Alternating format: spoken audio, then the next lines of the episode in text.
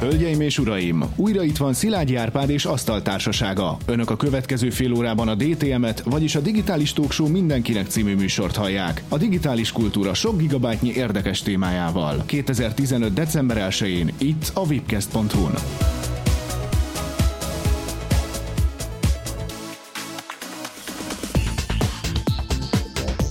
Ma van a rádiózás napja, mert hogy december 1 -e van. Napra pontosan 90 évvel ezelőtt, 1925. december 1-én indult el a Magyar Rádió. Tehát a rádióról beszélünk így vagy úgy. És van egy különleges vendégünk is, Cinege Levente, ő ugyanis régi-régi hallgatónk Debrecenből. A hangja is ismerős lesz a mostani hallgatóinknak, ugyanis már több DTM műsorban hallhatták a hangját a szignálokban és a felkonferálásokban. Egyébként civilben kolléga, mivel a Debrecen Rádió műsorvezetője. Igen, köszöntök mindenkit, jó estét kívánok! Így élőben vagy félélőben kevésbé hangzott sterilen és dinamikusan ez a, ez a beköszönés, de nyilván igyekszem alkalmazni. Azt mondd meg nekünk, és nyugtass meg bennünket, hogy nem mi vagyunk az okai annak, hogy te rádiós lettél. Ez egy nagyon jó kérdés. A téma az a dolog, amiről szól ez az egész már idestova 20 és fél éve, az nagyon megfogott, és arra gondoltam, hogy ha mondjuk a kereskedelmi rádiózáson belül lehet egy picit komoly tematikájú műsort vezetni, és nem csak a standardeket követni, gondolok itt a zenei konfokra és a hasonló dolgokra, amiről manapság egy általános kereskedelmi rádiós műsor szól, akkor igen, ez azért közelebb áll hozzám is minden altémája. És te már gyerekkorodban arra vágytál, hogy rádiós legyél? Most, hogy visszagondolok, szerintem igen. 6-7 éves lettem, amikor az első ilyen kis jackdugós mikrofonomat megkaptam, és az otthoni családi Nyugat-Németországból származó Music Centerbe bekötöttem, és a saját hangomat vettem föl, aztán elborzadva hallgattam vissza. Szóval te Debrecenben egy kereskedelmi rádióban műsorvezető vagy, tehát akkor, hogyha jól értem, akkor azért többnyire zenéket konferálsz föl? Javarészt ebből áll, nyilván ugye nem ebbe merül ki, tehát azért nagyon sok mindenben ott kell lenni. Én igyekszem úgynevezett Tesco gazdaságos módon követni a kereskedelmi rádiózás hazai folyamatát, tehát Ez a szöveg, szövegírástól kezdve a szignálok gyártásáig, a reklámok elkészítéséig, a Aha. zenei keverési pontoktól kezdve a interjú alany helyes megszólításánál, tehát tartalmilag, formailag és technikailag is próbálok ott lenni. És a hallgatóid mit szólnak ez a rádióhoz, ahol te dolgozol? Szerintem azok a hallgatók, akik közvetlenül figyelemmel kísérik vagy kísérték az elmúlt években a műsoromat, úgy gondolom, hogy meg vannak elégedve és szeretnek engem hallgatni. Több olyan SMS-t kapok mostanában, ami arról szól, hogy többet szeretnének hallani. Aztán szóval majd... interaktív ez a műsor. Csetelés, igen. fórumozás, facebookozás. A fórumozás, ez egy nagyon jó kérdés, szerintem az már egy picit divatja múlt, mint olyan, viszont a Vibert azt szeretjük, az SMS az, az is szintén egy ilyen standard dolog, ami szintén ott van a kereskedelmi rádiózásban és vidéken is. De a közvetlen interakció, illetve az azonnali üzenetküldő szolgáltatásoknak egyre nagyobb jelentősége van. A mi műsorunk hogy jött be az életedbe? Ez 98 év végére datálható, egy PC Word lemez mellékleten hallgattam meg. Szóval nem is rádióban hallgattál bennünket? Először nem. Ugye közszolgálati adón voltatok annak idején, az kevésbé állt hozzám közel, de utána rendszeresen hallgattam már élőbe. Tehát hallgattad a PC Word lemez mellékletén, és aztán átszoktál a Petőfire? Átszoktam a Petőfire, és ma már egy picit vissza is sírom a régi Petőfit, attól függetlenül, hogy az is jó, amit most csinálnak. Így jár az ember, hogyha idősödik? Hogy nem tudom, talán, a Petőfit? Talán, talán, vagy éppen, hogyha csapból is azt hallja, vagy ugye Matolcsi Ferkóval is fogunk majd erről beszélgetni az internetes rádiókban 90%-ban vagy 95%-ban zenei tartalmat hall, akkor azért a próza az, az visszasíródik. Szóval azt mondod, hogy 98 év végén hallgattál bennünket először, hát azóta eltelt majdnem 17 év. Ez elég hosszú idő. Ez már majdnem egy, egy tini generáció felnőtt azóta, mióta én először hallottam. És ehhez képest mi először találkozunk életünkben személyesen, és most itt vannak körülötted azok a hangok, akik legalábbis az utóbbi években jellemzik a, a mi műsorunkat. Igen, kicsi felfoghatatlan, de majd ha hazamegyek, biztos felfogom, hogy ez is megtörtént, úgyhogy igen. Na hát örülök, hogy itt vagy, és kapcsolódj be a rádiózással kapcsolatos beszélgetésünkbe. Szépen igyekszem. DTM.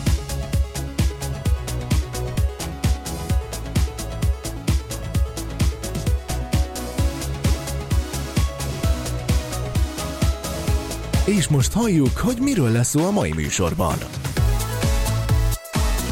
A rádiós napon összehozzuk a hallgatókat. Az őskapocs volt a modemidők. Mai műtárgyunk a CB rádió. Jön a break, jön a break. Hogyan működik a rádiós hallgatottságmérés okos telefonnal és okos órával. Aztán Sinclair lovag rádiói. Liliputi kütyük az apróságok óriásától. Hifi, wifi és lifi infoszótár. A vezeték nélküli divat. Kutatás a látható rádióról. Látható az érdeklődés. Mindenről a mai műsorban. Tartsanak velünk!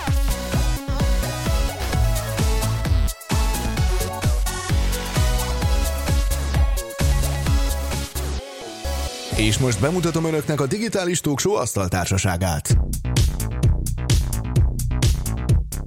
Bódi Zoltán netnyelvész az infószótáratja. Üdvözlök mindenkit! Justin Viktor, innovátor és a technológiai fejlesztések megszállottja. Kellemes hallgatózást mindenkinek. Képes Gábor, múzeológus és a házi számítógépek megszállottja. Köszöntöm a kedves hallgatókat! Kovács Tücsi Mihály, író, újságíró és a nagy testvérünk. Ahogy Poplacsek. Kuruc Imre, az NRC kutatási igazgatója, a netes kutatások megmondója. Üdvözlök mindenkit. Pintér Robert, információs társadalomkutató és okostelefon tesztlaborunk vezetője. Velük beszélget a DTM házi és rendszergazdája, Szilágyi Árpád.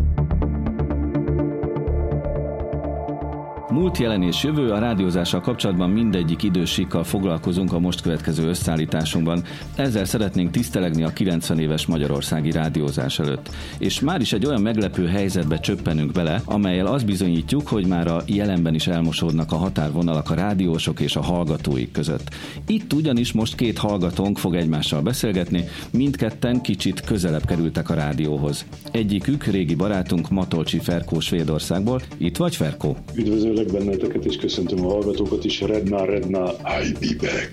1578 km távolságban vagy Budapesttől. Cinege Levente viszont egész pontosan másfél méterre ül tőlem itt az asztalnál. Ő a másik egykori hallgatónk, aki most már rádiós. Egyetemistaként flopival rádiózott ez a fiatalember a vonalban, Matolcsi Ferkó. Amikor mondtam neked az ő nevét, akkor egyből rávágtad, hogy ő a svédországi srác, ugye? Igen, igen, emlékeztem arra, hogy sokszor volt vonalban, sokszor idéztétek a levelét, e-maileit. Tudsz még ezen kívül, hogy Svédország még valami konkrétumot felidézni? Uppsala, onnan származik ő, Igen. illetve hát most ott lakik, és kütyű, mániás. Akkor én most átadom a szót Cinege Leventének, és akkor beszélgessetek egy kicsit. Szia Ferkó! Nem csak a magyar rádiózás, hanem a, a netidők, illetve a modem idők is a 20. évfordulóját tapossa idén. Neked mik voltak az első emlékeid a műsorról, hogy találtál Árpádékra? Ilyen Szoncválban, ami innen még északabbra van, Uppsalától még északabbra, egy olyan 350 kilométerre ott jártam egyetemre. Rendszer és gazdaságot tanítottak, illetve rendszergazdaságot, programozást és rendszerfejlesztést. Ott volt laborgyakorlatunk, és az alatt az idő alatt természetesen én rettenetesen figyeltem, bedugtam a fülhallgatót a gépbe, akkor a pillanatnyilag még otthon a diáklakásomban, a bentlakásban nem volt internetem, és rádiót hallgattam a C++ programozás rejtelmének tanulmányozása közepette. Régen fent volt még a úgy okosoknak, mint a Petőfinek egy hangarchívuma, ahonnan vissza lehetett hallgatni az adásokat, és onnan mazsoláztam. Azt kell mondjam, hogy tulajdonképpen a véletlen, sors kisükészhetetlen útja rákattintott a modemidő akkori adására. Annyira lekötött a téma, mert gyermekkorom óta nagyon rajongok a rádiózásért, kommunikációért, hogy eh, a rabja lettem, sőt szinte függője, ami egészen odáig fajult, amire az előbb utaltatok, hogy eh, floppy lemezeken hordtam haza az adást, és tartogattam, mint a karácsonyi ajándékot, tartogattam, hogy na, akkor majd, majd ha elmosogattam, majd ha kitakarítottam, akkor majd utána leülök és meghallgatom. Te is szeretsz, ugye, internetes rádiókat hallgatni, és van is egy ilyen kütyüd otthon? Tavaly karácsonyra leptem meg magam egy ilyen internetes rádióval, nem tudom, hogy reklámot lehet csapni neki. Egy Logitech rádió, amin nagy valószínűséggel több rádióadót tudok hallgatni, mint hogyha Budapest belvárosában egy antennával kísérletezni. Tehát a Kiskunmajszai Sirius rádiótól a Debrecen rádión át, amit interneten sugároznak, azt mindent lehet hallgatni, és ott zümmög háttérben a konyhaasztalon, krumplipucolás, főzés, takarítás közben. A Debrecen rádiót is lehet nálatok hallgatni? Természetesen pont az előbb, mikor beszélgettetek róla, akkor bementem a Debrecen rádiónak a honlapjára, és ott volt, hogy hallgass online. Na, még derülnek ki Levente. Mert hogy ezen a Logitech kütyűn te konkrét weboldalt is meg tudsz látogatni, amiről rákattintasz egy ilyen bizonyos streamre. Ennek a Logitech kütyűnek van egy központi szervere, amit különböző rádiós programok is használnak. Például van ez a TuneIn rádió nevű alkalmazás. Tulajdonképpen csak rá kell keresni a rádiónak a nevére, ami ott egy központi adatbázisban benne van. Valószínűleg a streamnek a linkjével egyetemben is abban a pillanatban bejön. Sokszor még a lemezborítók is, meg hogyha van ilyen extra szolgáltatás, akkor az egy pillanatnyi előadónak a neve, számcíme ki ott fut, mint a autórádión az infosávban. Én ennek ellenére, hogy egész sok jó dolgot elmondtál róla, azt hallottam, hogy nem vagy megelégedve a szolgáltatással, vagy a sávszélességgel, vagy a minőséggel. Mi az, ami problémát jelent ma?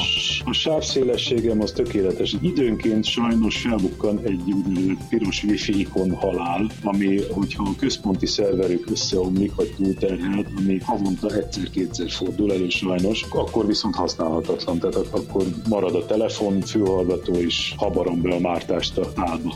Úgyhogy rákényszerülsz, kedves Ferko, arra, hogy a Digitális Talk Show mindenkinek című podcast műsort hallgassd. Ugye ez letöltöd a netről, és azzal nincsenek semmiféle vételi problémák, hanem az MP3 lejátszóban tökéletesen szól.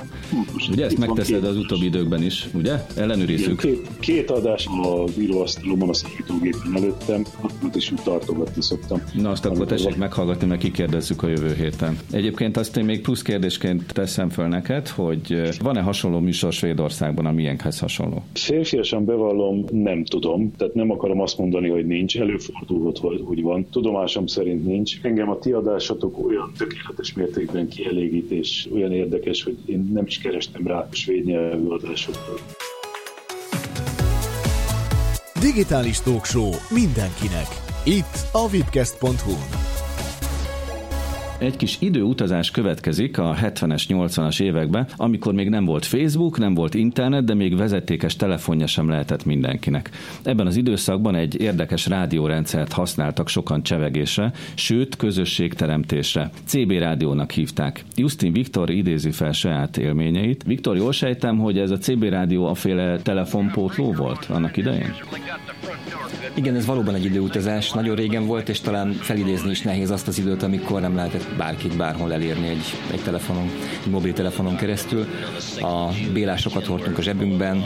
A telefonfülkéhez, ugye? A telefonfülkéhez. Fiatalabbaknak ezt mondjuk el. Két forintosokat jelentenek, szép rész, ötvözet két forintosokat. Az én első emlékem, amit éppen hallunk a megszólásom alatt, ez a Konvoj című filmnek a zenéje a CB-kről. Ekkor persze még nem tudtam, hogy nem sokára magam is tagja leszek egy CB-s Citizen Band közösségnek. Ahol ennek a rövidítés a Citizen Band. A CD, gyakorlatilag ennek a feloldása betűszónak a Citizen Band, vagyis polgári frekvencia tehát ez egyfajta civil rádiófrekvencia.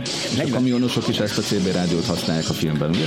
Így van, a kamionosok, és nem csak a filmben Magyarországon is, egészen a 90-es évek elejéig tartott ez az idilli állapot, amikor is az Antal kormány alatt betiltották, miután a taxis blokkádot is CB segítségével szervezték meg, tartja a népnyelv, vagy az anekdóta. Hát hiszen a taxisok is CB rádiót Hiszen a taxisok voltak talán a legemblematikusabb CB rádió használók. De emellett volt egy erős és intenzíven építkező civil közösség, akik együtt ünnepeltek, együtt szilvesztereztek, együtt barátkoztak, és egymás segítségére voltak, ha mondjuk elakadt valakinek az autója, akkor egy break, valaki segítsen, bekerült, és gyakorlatilag onnantól kezdve indult is a mentő expedíció, tehát még egyszer ez mobiltelefon előtti idő. Te hogy csatlakoztál ez a társasághoz? Te tudtad, hogy a szomszédot, meg a nem tudom én, a nagybátyádat is felhívhatod a CB rádión keresztül? Vagy mi volt a fő motivációd, amiért elkezdtél rádiózni? Nekem a szüleim csatlakoztak ehhez a társasághoz. Minden embernek, aki CB-zni szeretett volna, kellett egy egy hívószám. A mi hívószámunk az a 7330 volt. Nézek előre, bocsánat kérően Fruzsinára.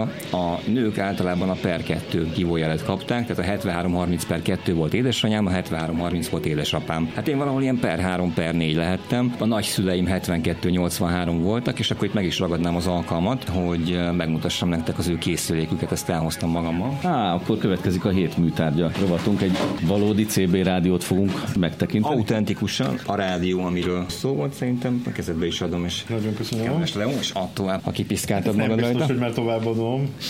Fél duplex, ami azt jelenti, hogy ha te adtál, akkor más nem adhatott. Mindenki azt hallgatta, amit te mondtál, akár 100-200 ember. És csak aki... akkor működött, hogyha nyomtad a gombot, ugye? És csak akkor működött az adás, hogyha nyomtad a gombot. Én az AM5-ös csatornán laktam, úgymond a szüleimmel együtt, tehát minket ott lehetett elérni. Csatornánként alakultak a közösségek. És az AM5-ös csatornának a közösségével kapcsolatban az nagyon érdekes, hogy a mai napig létezik. Jó 30 30-40 ember tagja egy zárt Facebook csoportnak, ahova csak azok jöhetnek be, akik ezen a csatornán forgalmaztak. Sőt, annyira létezik, hogy nemrég, kb. egy hónapja volt az első hivatalosan szervezett házi buli, ahol újra összegyűltek a tagok, és hát ez most egy erős 20 év után volt az első alkalom, úgyhogy izgalmas. Mi az, ami összetartja ezt a társaságot még mindig? Azt gondolom, hogy a barátság, azt gondolom, hogy a közösen átélt élmények, számtalan kirándulást említsünk meg, velemben voltak nagy bulik, közös sieléseket. Tehát mikor kiért rá, rá, de alapvetően mindig CB-n szerveződött, és a társaságból jöttek a, a tagok. Ha már közösséget említettél, ugye ezt a mai korból már pontosan tudjuk, hogy minden közösségben előfordulnak a trollok. A CB rádiós Így közösségben van. van ilyen? Igen, és ez volt az egyik legnagyobb poén, amire, amire most rácsodálkoztam. Voltak trollok a 80-as években, úgy hívtuk őket, hogy a nyomkodós, vagy a nyomkodósok. Ugye a nyomkodósok voltak azok, akik lévén fél duplex az adás. Amikor te beszéltél volna velem, akkor megnyomta a gombot, és addig nyomva tartotta, amíg úgy gondolta, hogy mi ne beszélgessünk egymással, mert minek. És volt úgy, hogy üresen, akkor üreset nyomott, vagy pedig volt úgy, hogy beadott valamiféle rádiót, egy adott rádiónak a műsorát elkezdte sugározni azon a csatornán, ami beszélgettünk volna megint rádió. És volt valami módszer a nyomkodósok ellen? Nyomda festéket nem tűrő szavak, és utána mindenki kicsit forgalmazott erről, és elküldte melegebb éghajlatra, de egyébként semmi, illetve hát a hatóságnak lehetett jelenteni, hogyha valahol valaki vagy túl nagy teljesítménnyel adott, ami lehetetlenítette a körzetébe a normális CB-zést, vagy nagyon sokat trollkodott, nyomkodott,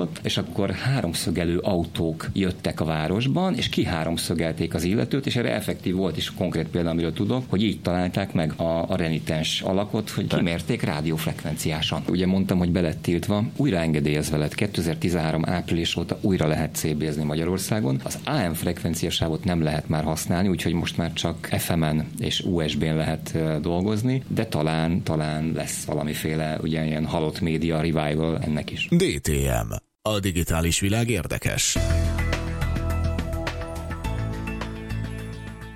Sokak számára misztikus az, hogy a különböző rádióműsoroknak és rádiócsatornáknak hogyan mérik a hallgatottságát, tehát hogy hány ember hallgatja az adott műsorokat.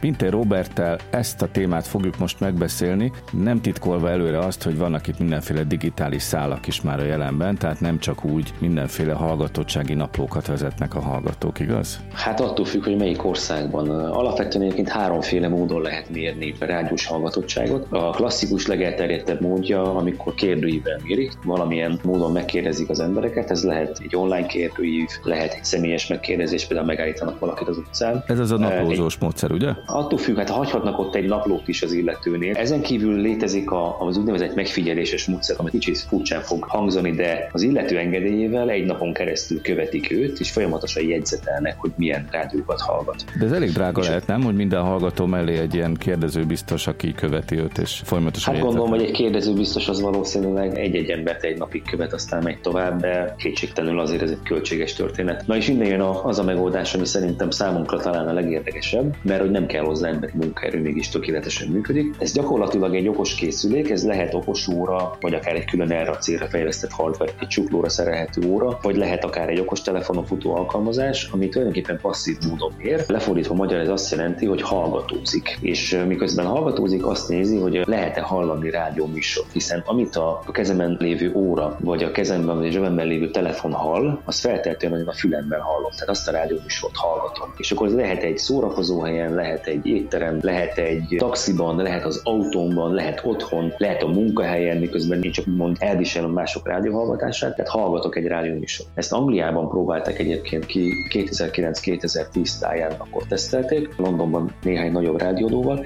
egy úgynevezett ekót, vagyis vízhangot, vagy vízjelet tettek bele a rádió műsorokba, ami azt jelenti, hogy egy, egy emberi fül számára nem hallható, extra jel van benne minden egyes rádió műsorban, ami egyedi, és ezt a jelet tudja ez a készülék azonosítani, és aztán ehhez a jelhez, ehhez tudják később az adatbázisban hozzárakni, hogy akkor mit hallgatott. Na, akkor ez meg viszont ennek... nagyon hasonlít az, az autorádiók RDS rendszeréhez, amikor maga az rádiókészülék felismeri, hogy éppen sporthíreket, vagy időjárási információkat, vagy útinformot mondanak, és bekapcsol magától a készülék. Tehát ott is bekevernek a műsorjelbe egy ilyen jelet, amit fölismer a készülék. Ez ehhez nagyon hasonló technológia. Ugye az a különbség, hogy autórádiót alapvetően nem hold magával az ember. Persze jó ez az RDS-es technológia, de ezt valahogy hordozhatóvá kellene tenni. És ezért volt nagyon érdekes, hogy 2009-2010 már voltak okos telefonok. Én emlékszem, Magyarországon is volt egyébként egy ezzel kapcsolatos ilyen háttérbeszélgetés, nevezhetjük akár workshopnak is idegen szóval, hogy műhelyi beszélgetés, ahol meghívták a rádiónak, a különböző rádióknak képviselőjét, illetve készülékgyártókat is, hogy hogyan lehetne Magyarországon bevezetni ezt a rendszert. Úgymond felkínálták a magyar piac számára ezt a lehetőséget, hogy áttérjünk egy ilyenfajta mérési megoldásra. Sajnos akkor ebből nem lett semmi, aminek alapvetően anyagi okai voltak. Azért egy ilyen új rendszernek a bevezetése az nagyon költséges, eszközigényes. Másrészt a hozzá szükséges hardverek, rendszer átállítás, rádiójelek, stb. nem egy egyszerű folyamat, ugyanakkor egy, egy nagyon fontos mérést tud adni ahhoz képest, ami egy ilyen visszaemlékezős, vagy naplós, vagy kérdéves módszerrel elérhető. Digitális kultúráról érthetően a DTM-ben. Egy újabb digitális rádiós műtárgyal folytatjuk, ugyanis digitális muzeológusunk, Képes Gábor egyik nagy informatikai kedvencét, Sir Clive Sinclair-t fogja megidézni, és kapcsolja a rádiózás világához. Ugye Sinclair úr nevéhez köthetjük az ZX81-et, meg az ZX Spectrum számítógépet. De lehet, hogy akkor ő nem is a számítógépekkel akarta kezdeni a pályáját? Az az érzésem, hogy a számítástechnika az az ő pályájának csak egy szeletkéje. Ő 1940-ben született, idén 75 éves, és egy mérnök családból származó kis zseniről van szó, aki 1957-58 tájékán, tehát 17-18 éves volt már újságíró lett. Mégpedig egy Practical Wireless nevű lapnál helyezkedett el, amit az én kiváló barátom Keleti Artur úgy fordított le, hogy mindennapi drót nélküli. Valóban nem találtunk rá jobb fordítást, és ebben a labban már írt arról, hogy milyen lenne egy ideális miniatűr rádiókészülék, ugyanis ő beleszeretett a tranzisztorokba, és nagyon nem tetszettek neki azok a cipős doboznál is nagyobb méretű lámpás, tehát elektroncsöves rádiók, amik akkoriban még meglehetősen elterjedtek voltak. A 50-es években még bútordarabnak számított egy rádió. Abszolút bútordarabok voltak, bár a tranzisztor terjedésének köszönhetően már azért jelentek meg zsebrádiók, de ő valami egész mást akart csinálni, ő egy akkora rádiót szeretett volna megjelentetni, amelyik kisebb, mint egy gyufás doboz. És ez sikerült is neki. Megmondom őszintén, hogy beszereztem ennek a mindennapi drót nélkülinek egy 1958 novemberi számát, és nagy valószínűséggel nem merem száz százalékra mondani, de ő maga van a borítón. És utána a 60-as évek elején létre is hozott egy céget, akkor is még csak 21 éves, amikor megalapítja a Sinclair Radionics nevű vállalatot, és a 60-as évek folyamán először miniatűr erősítőt, majd ha jól számoltam, akkor körülbelül 4-5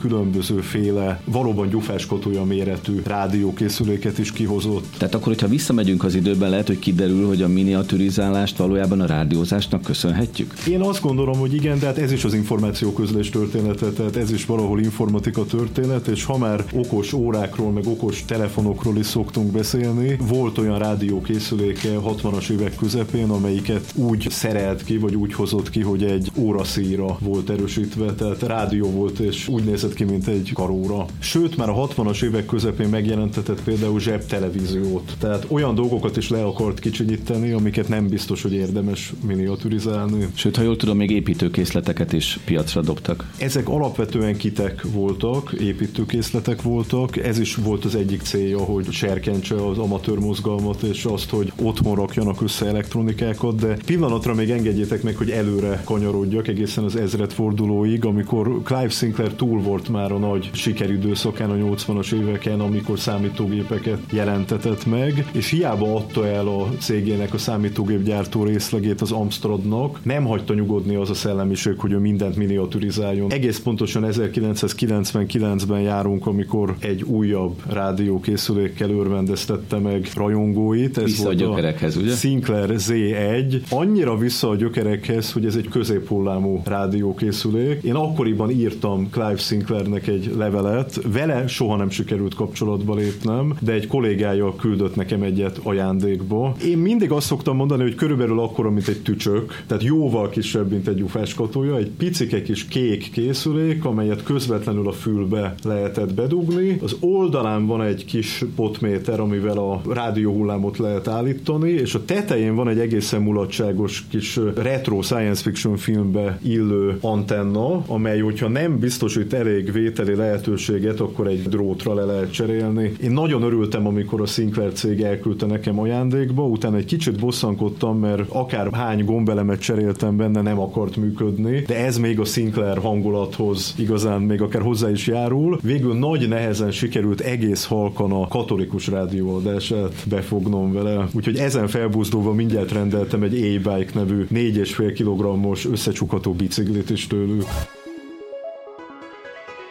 DTM A digitális világ érdekes.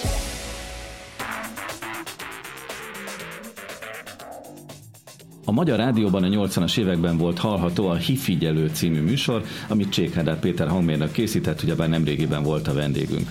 A szójáték természetesen az akkoriban tömegesen elterjedő hifi kifejezésre reagált, az igazi hifi tornyok magas hanghűséget igyekeztek megvalósítani.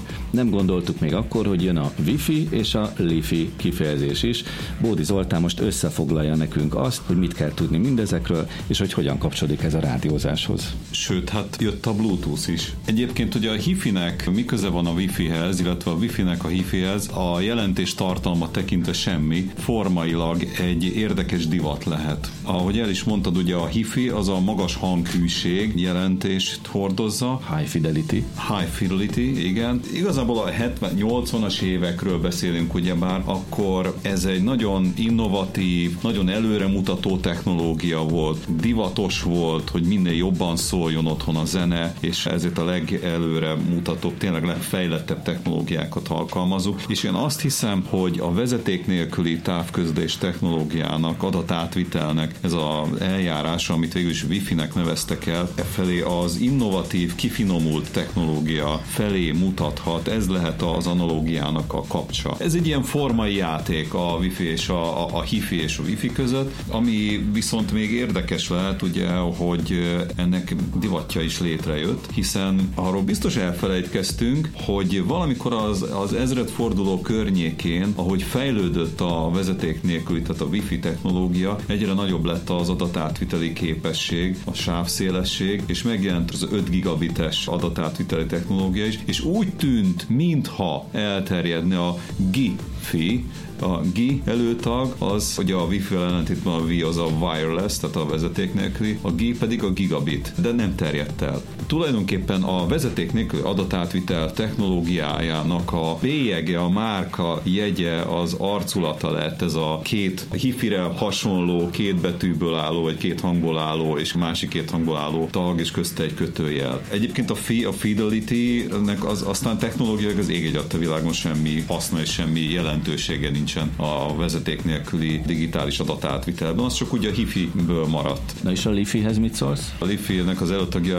az a light, tehát a fény, erről majd nyilván hallunk, hogy, hogy ez megint egy új, hát végülis vezeték nélküli adatátviteli technológia. Véletlenül ez nem rádió hullámok segítségével működik, mint a Wi-Fi, itt kapcsolódunk a rádiózáshoz, hanem, hanem a fényjel, vagy valami más technológiával. De szóval az jut az eszembe, hogy amikor évekkel ezelőtt egyszer valahol külföldön nyaraltunk, és angolul kommunikáltunk ott a, egyébként nem angol nyelvű országban a szálloda portájával. Megkérdeztük, hogy van-e wifi, persze angolul, és én úgy ejtettem ki, hogy wifi, és nem is értették, hogy miről van szó. Mondom, rámutattam a táblára, oda van kiírva, mi a kód, és akkor azt mondták, hogy ezt nem wifi-nek, hanem wifi-nak hívjuk. Mi magyarok meg ezt szépen wifi-nek hívjuk, és tudjuk képzelni, hogy ezt nem wifi-nek, hanem a legtöbb helyen wifi-nak ejtik. Tehát ilyen módon ez li-fi, vagy nem is tudom, hogy van, bele is zavarodok mindjárt. És még egy picit kellene beszélni a számítógépes vezeték nélküli rádiós kommunikációnak az atyáról, Harald Blatandról, első Harald királyról, valamikor a 10. század második felében uralkodott Dániában, Dánia és Norvégia között mindenféle kapcsolatokat épített ki, és... Egyébként Bódi Zoltán betéve tudja a Dán történelmet. Hogyne, persze. Bármit lehet kérdezni tőle.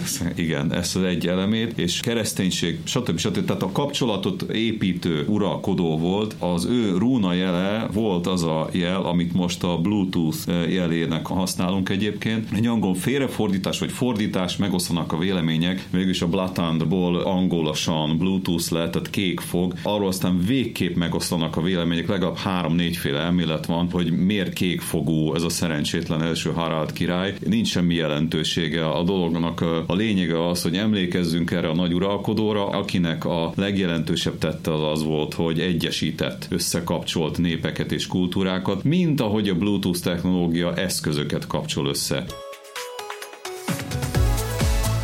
Digitális Talkshow mindenkinek. Itt a vipcast.hu.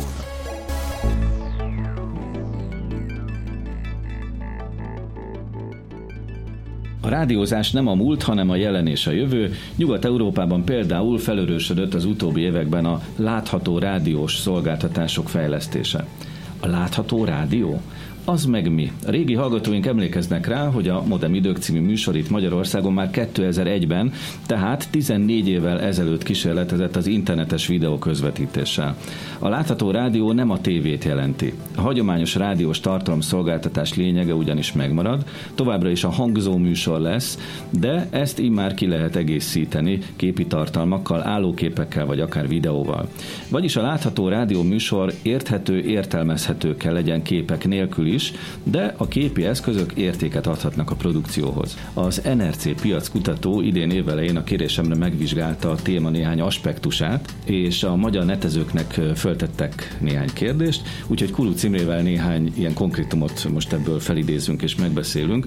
Milyen tartalmak lehetnek sikeresek a látható rádióban? Az előző témánál, amikor képes Leo bemutatta ezt a bizonyos kis készüléket, na ez egy tipikus olyan helyzet lett volna, ahol egyébként a, a meg, akiket megkérdeztünk az internetezők, illetve azok az internetezők, akik egyébként rendszeresen hallgatnak rádiót, ez nagyjából a netezők kétharmada egyébként, tehát ez nem minden internetező rendszeres rádióhallgató, de akik hallgatnak rádiót, azok alapvetően úgy tűnik nyitottak arra, hogy vizuális elemeket is befogadjanak rádió hallgatás közben. Például egy ilyen tárgyat, amit Például egy ilyen tárgyat, tehát hogyha azt nézzük, hogy mik lennének azok a dolgok, azok az elemek, amik, amiket szívesen megnéznének, abban legelső helyen a kulisszatitkok, azok, azok lennének a legizgalmasabbak, tehát mondjuk a stúdiót megnézni adás közben, vagy a stúdió egy-egy érdekesebb elemét, de nagyon, nagyon izgalmas lehet az is, vagy releváns dolog lehet az is, hogyha például egy ilyen helyzetben bemutatnak egy tárgyat a stúdióban ülők, akkor azt egy képernyőn meg tudják nézni, akár egy állókép formájában, de nyilvánvalóan adott esetben egy mozgókép még izgalmasabb lehet. Ezen a ponton mondom akkor el a mi hallgatóinknak, hogy természetesen itt képek is készülnek, tehát a,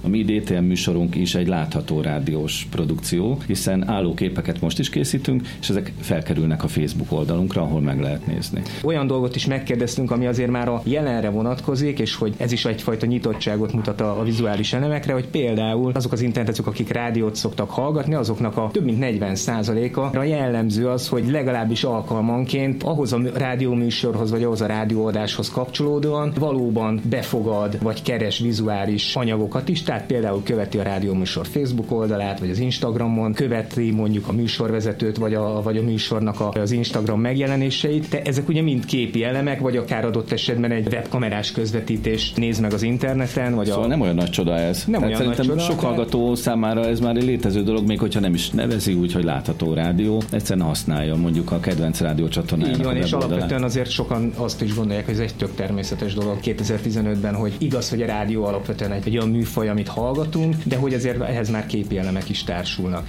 Nyilvánvalóan ez egy érdekes kérdés, hogy egyáltalán milyen helyzetben, milyen élethelyzetben hallgatunk rádiót, és milyen élethelyzetben hallgatnánk vagy néznénk látható rádiót. Mert ugye nagyon sok ember tudja, hogy mostanában rádiózni az autóban szoktak Például. sofőrök, és hát azért autóvezetés közben látható tartalmat fogyasztani azért elég veszélyes. Így van, ez is jött ki a kutatásunkból nem meglepő módon, hogy azok, akik egyébként rendszeresen hallgatnak autórádiót, és adott esetben nyitottak is lennének a vizuális elemekre, ingerekre is, autórádiózás közben, vezetés közben ezt nyilvánvalóan azért kevesen gondolják, hogy ők élnének ezzel a lehetőséggel. Ha utasként ülnek az autóvezető mellett, akkor viszont kiemelkedően sokan mondják azt, mert az valóban egy passzív tevékenység, és azt is láthatjuk, hogy alapvetően sokszor rádiózunk úgy, hogy közben egyébként valamilyen aktivitást végzünk, akkor a látható rádiónak kisebb lenne a szerepe. Tehát például munka közben a rádiót is hallgatunk, kevésbé mennénk igénybe a látható rádiónak a lehetőségét, de például, hogyha pihenünk, vagy relaxálunk és úgy hallgatunk rádiót, akkor azért sokkal nagyobb eséllyel megnéznénk a képi elemeket is. Ugyanakkor ilyen készüléke nagyon kevés embernek van, tehát ez megint csak a kutatásunkból. Már legalábbis. Magyarországon. Magyarországon e, ilyen készülékkel kevesen rendelkeznek, ugyanakkor azt gondolom, hogy a látható rádiónak az elterjedése az ettől azt gondolom független, tehát ma már azért vannak olyan eszközeink, és hogyha hogy itt azt nézzük, hogy alapvetően mi internetezőket kérdeztünk meg, azok közül gyakorlatilag mindenki minimum egy PC-vel rendelkezik, tehát mindenkinél van egy olyan eszköz, ahol, ahol azért ezeket a vizuális elemeket meg tudja nézni, és hát tényleg amikor az a trend, hogy alapvetően azt szeretjük, meg, meg afelé tartunk, hogy amit csak tudunk egyetlen eszközbe préseljünk bele, és ez ugye adott esetben hogy okos telefon, most már ezzel fényképezünk, ezzel hallgatunk zenét, ezzel informálódunk, játszunk, szórakozunk, akkor azt gondolom, hogy a látható rádiónak is való ebben az eszközben kellene megjelenni. És az adatok között ez meg is jelenik. Tehát ugye a PC-n rádióhallgatás is, meg az okostelefonon, táblagépen rádióhallgatás is egy azért egyre többen rendelkeznek okostelefonnal, az internetezők körében még magasabb ez az arány, és azért aki rendelkezik okostelefonnal és egyébként hallgat rádiót, az jó esélye használja erre ezt a, az eszközt is.